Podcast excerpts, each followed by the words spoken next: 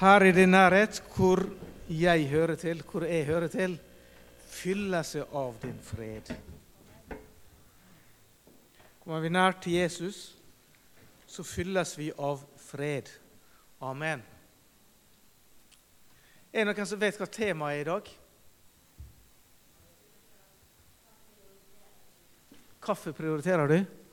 Og hva prioriterer du, ja? ja. Hva prioriterer du? Hva prioriterer du? Og Det står nemlig en hel masse i Bibelen om hva, om det å prioritere. Sant? Og prioriteringa det avgjør hvordan det går med oss i livet vårt. Noen prioriterer skole. Ikke bare å gå på skole, men til og med å lese. Til og med å sette seg ned og gjøre oppgaver. Og veldig ofte når man prioriterer det, så går det bra. Noen prioriterer å ikke gå på skole og gjøre andre ting, og det kan være like verdifullt. Noen prioriterer å gå på skole, men ikke å gjøre skole. Og det går som oftest dårlig. Vi prioriterer, og prioriteringene våre de avgjør hvordan det går med oss i livet. Når jeg var liten, så sa jeg jeg skal aldri gå på ski før jeg blir like god som Bjørn Wirkola. Og dem som er eldre og kommer fra Norge, skjønner dem. Han var verdens beste skihopper. Og når jeg ble litt eldre, så sa jeg jeg skal aldri gå på ski før jeg blir like god som Oddvar Brå. Og det ble jeg, så knakk jeg staven. Det er veldig lett å si sånn, ikke sant? Jeg vil ikke øve før jeg blir like god som Hilde og Kristian å spille. Men da blir vi aldri så gode, for vi har prioritert feil. Årsaken til Bjørn Wirkola var flink til å hoppe på ski, det var han prioriterte å øve og trene. Årsaken til Oddvar Brå var god på ski, det var at han prioriterte å øve og trene. Årsaken til Hilde og Kristian er flink med musikk, det var at de har prioritert å øve og trene. Årsaken til det går bra med oss, det er at vi prioriterer riktig. Og årsaken til at det går dårlig med oss, det er at vi prioriterer feil. Veldig ofte. Er dere enige i det? Ja. Amen. Takk for meg. Ok. Jeg hadde skrevet en tale, men så står det 'Motvind Norge, Motvind Nordvest, Ekeveien'. Honorar foredrag konferanse 15.4.2020. Så det er feil lapp. Vil vi vite honoraret? Nei, får ikke vite det. Navn Ola Honning Agrysten. Men så snur det, så var det noen notater likevel. Det var bra. Det gjelder å prioritere å ha med seg rett lapp. Matteus 6, 25-34 skal vi lese.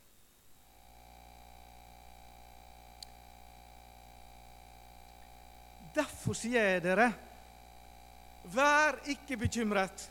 Og der kunne vi egentlig ha stoppa og gått hjem. Derfor sier jeg dere, vær ikke bekymret. Uh!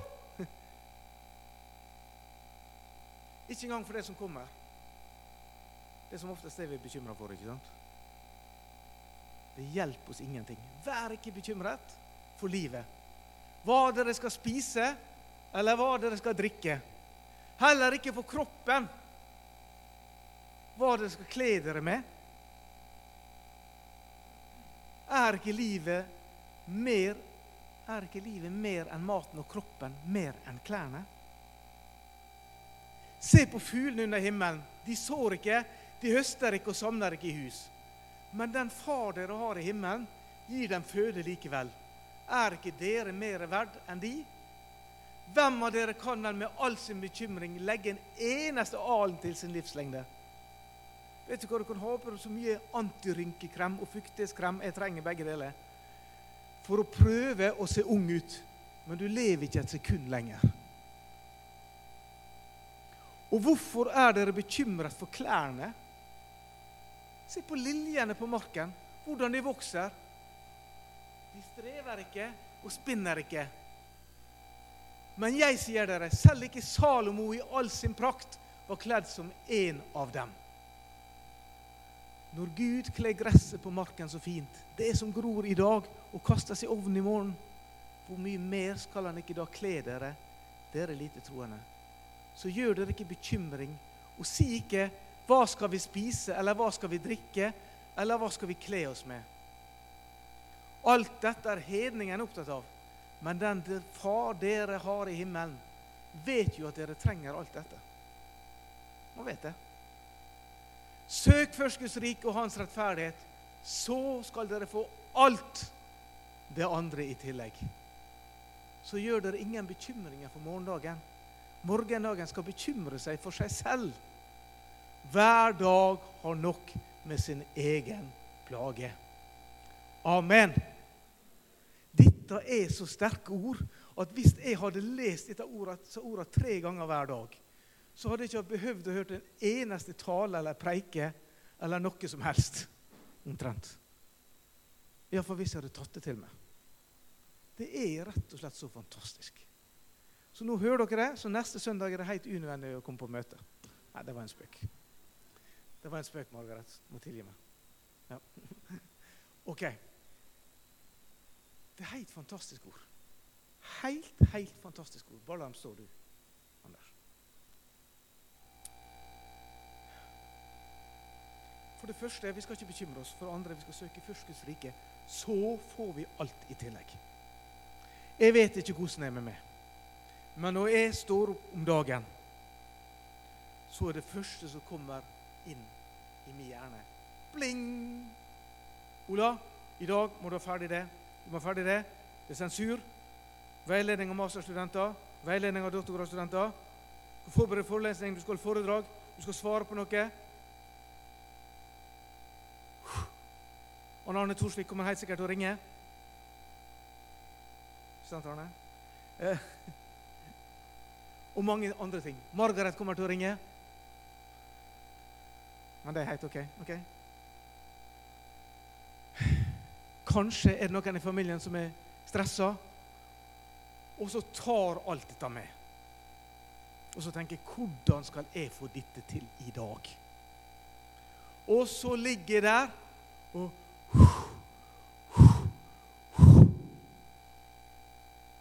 Og så slår hjertet mer og mer. Og den neste, den neste personen jeg tenker på, det er han Sigurd Toft. For hjertet slår så hardt.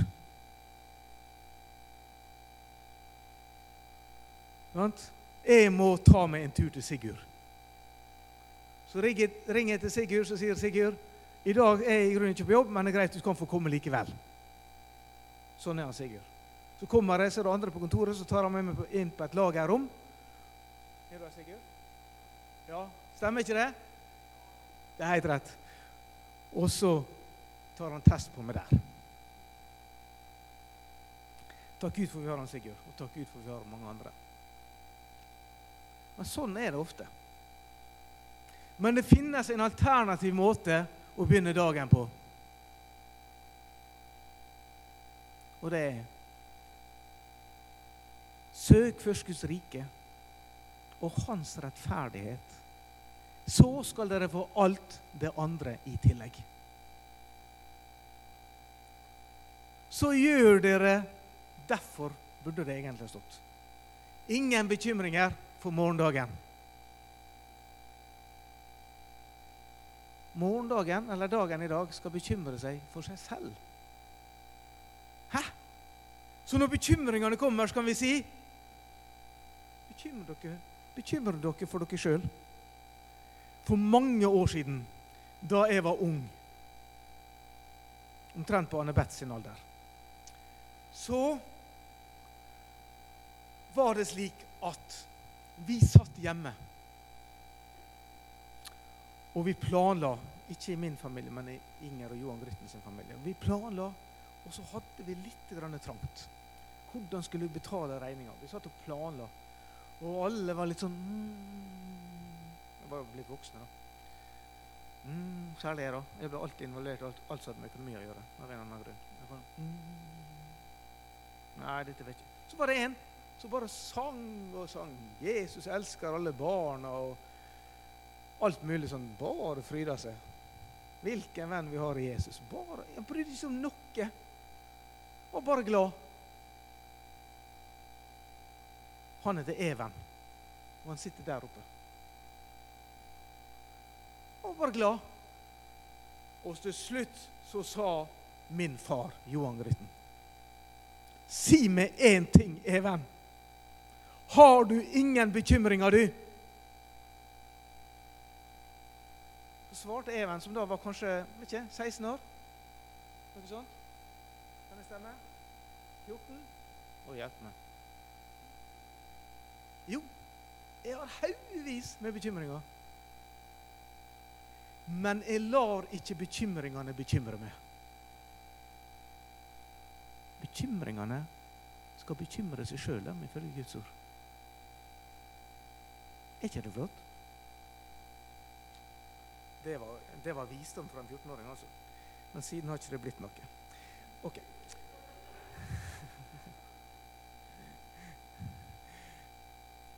Vi skal ta og lese noe annet. Vi skal lese Matteus 27, 1-14. Det er litt langt, men jeg skal ikke hoppe lenge likevel. Guds ord er jo mye sterkere enn mine ord. så det, går veldig bra. Finner du Matteus 27, 1-14? Var det 22? Ja, det er 22. Helt riktig. Ok. Dette er fantastisk. Matteus 22, 1-14. Igjen talte Jesus til dem i lignelser. Himmelriket kan sammenlignes med en konge som skulle holde bryllup for sønnen sin. Ok, Hvem som har vært i kongelige bryllup her? Jeg har vært mange ganger. Hver gang noen som er frelst, gifter seg, så er det kongelig bryllup.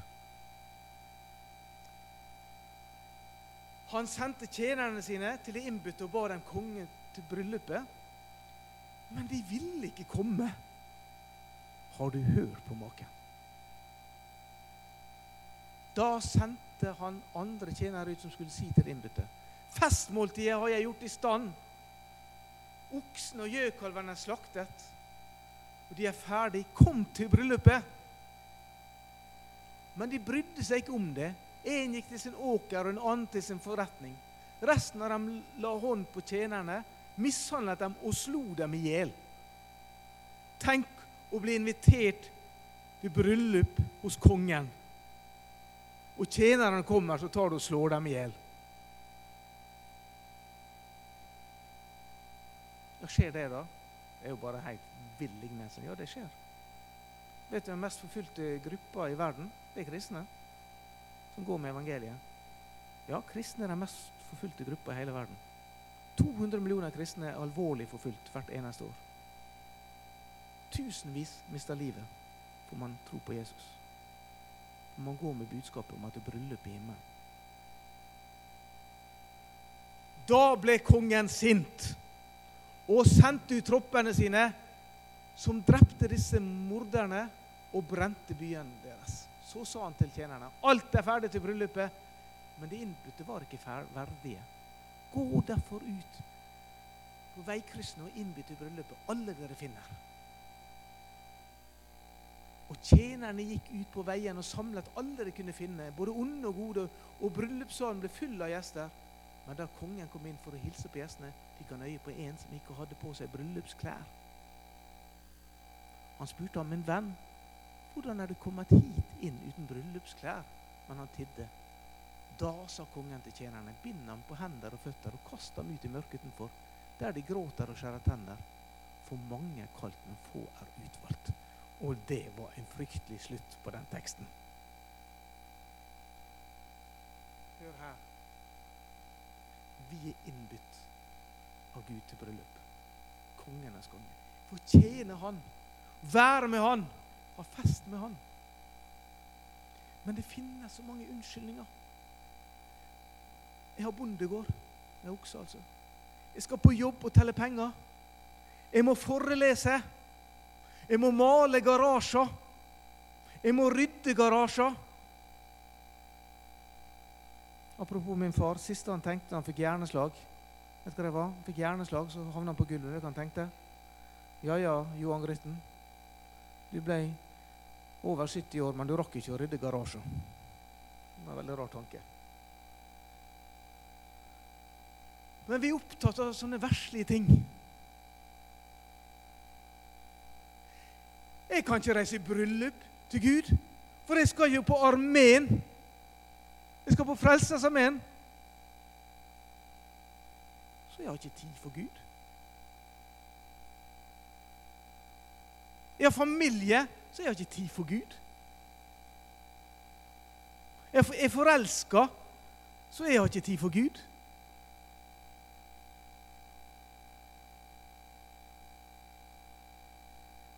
Det er så lett for alle andre ting som har så stor plass.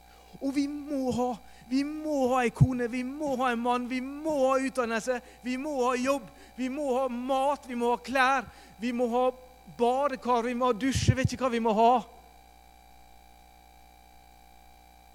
Og så ender vi opp fullstendig ulykkelige. Vi får ikke engang lov å komme i bryllupsfesten. Til og med vi må gå ut av festen. Det er veldig ekkelt å komme en plass og si du får ikke lov å komme her, for du er ikke invitert. Eller du har ikke på deg rett klær. For vi er opptatt av alt det andre. Så står det søk først Guds rike og hans rettferdighet. Så skal dere få alt i tillegg. For hvis vi søker alt andre, andre annet først, gir prioritet til alt annet først, så får vi bare tomhet tilbake. Vi blir aldri fornøyd. Vi får ikke det vi har lyst på for det greier ikke å dekke våre behov. Men søker vi Guds rike, da får vi det vi trenger. Da får vi det vi trenger. Og da blir vi til og med lykkelige. Da blir vi fornøyd. De mest fornøyde folka jeg har truffet, det er ikke milliardærer. Millionærer er jo snart alle, sier men det er ikke milliardærer.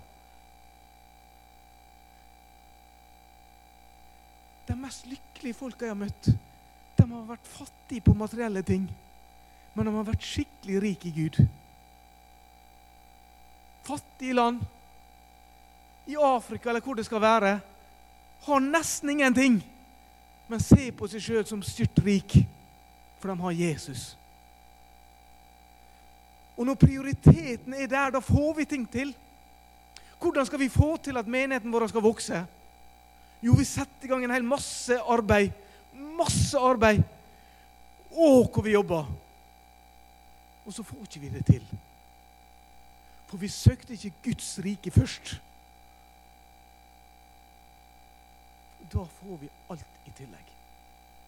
Så det er så mange ting vi har lyst på, som vi aldri får. Men jeg tror ikke de tingene vi søker og skal ha liksom, å, jeg vil ha, jeg vil ha, jeg vil ha. Det er ikke først og fremst de prioriteringene som dreper oss. Vi skulle prioritere Jesus først. Og så prioriterer vi ting først. Vi prioriterer karriere først. Vi prioriterer klær. Jeg vet ikke hva vi prioriterer. Men hør her. Jeg tror veldig få av oss egentlig prioriterer karriere først. Veldig få av oss prioriterer penger først. Veldig få av oss prioriterer klær først. Veldig få av oss prioriterer makeup først. I alle fall ikke jeg. Men veldig mange av oss prioriterer bekymringene våre først. Er det noen her som har prioritert bekymringene først? Opp med handa. Ja, halvparten. Du verden.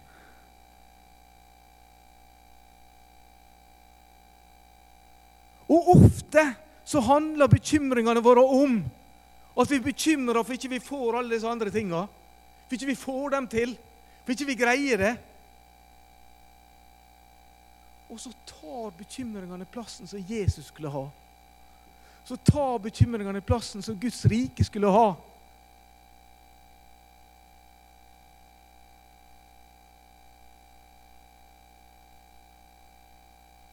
Men hør her.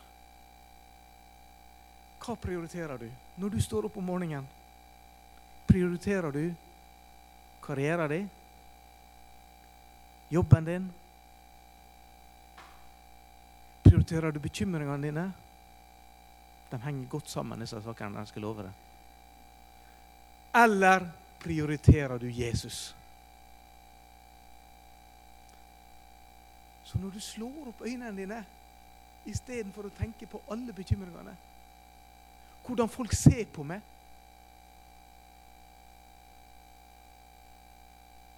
Det et menneskefrykt. Alle disse tingene her nå.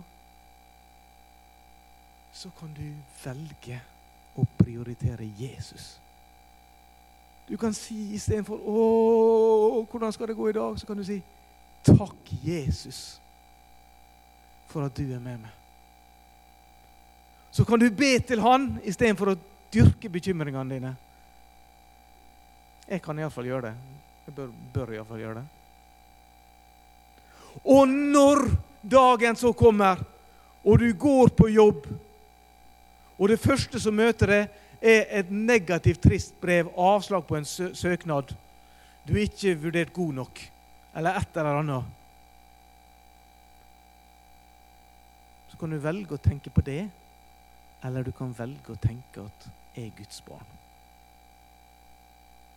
Istedenfor å velge å sette deg ned og sture, så kan du velge å synge lovsang. Istedenfor å bekymre deg, så kan du glede deg over din frelse. Hva er det du prioriterer? Prioriterer vi Guds rike først, eller prioriterer vi alt det andre?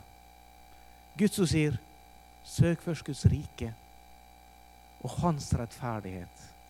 Så skal dere få alt det andre i tillegg. Amen. Takk, Jesus, for at vi alltid kan prioritere det først. Det er ikke musikk, det er ikke klage, det er ikke karriere, og det er slett ikke bekymringene. Men det er din frelse, og det er ditt rike. Amen.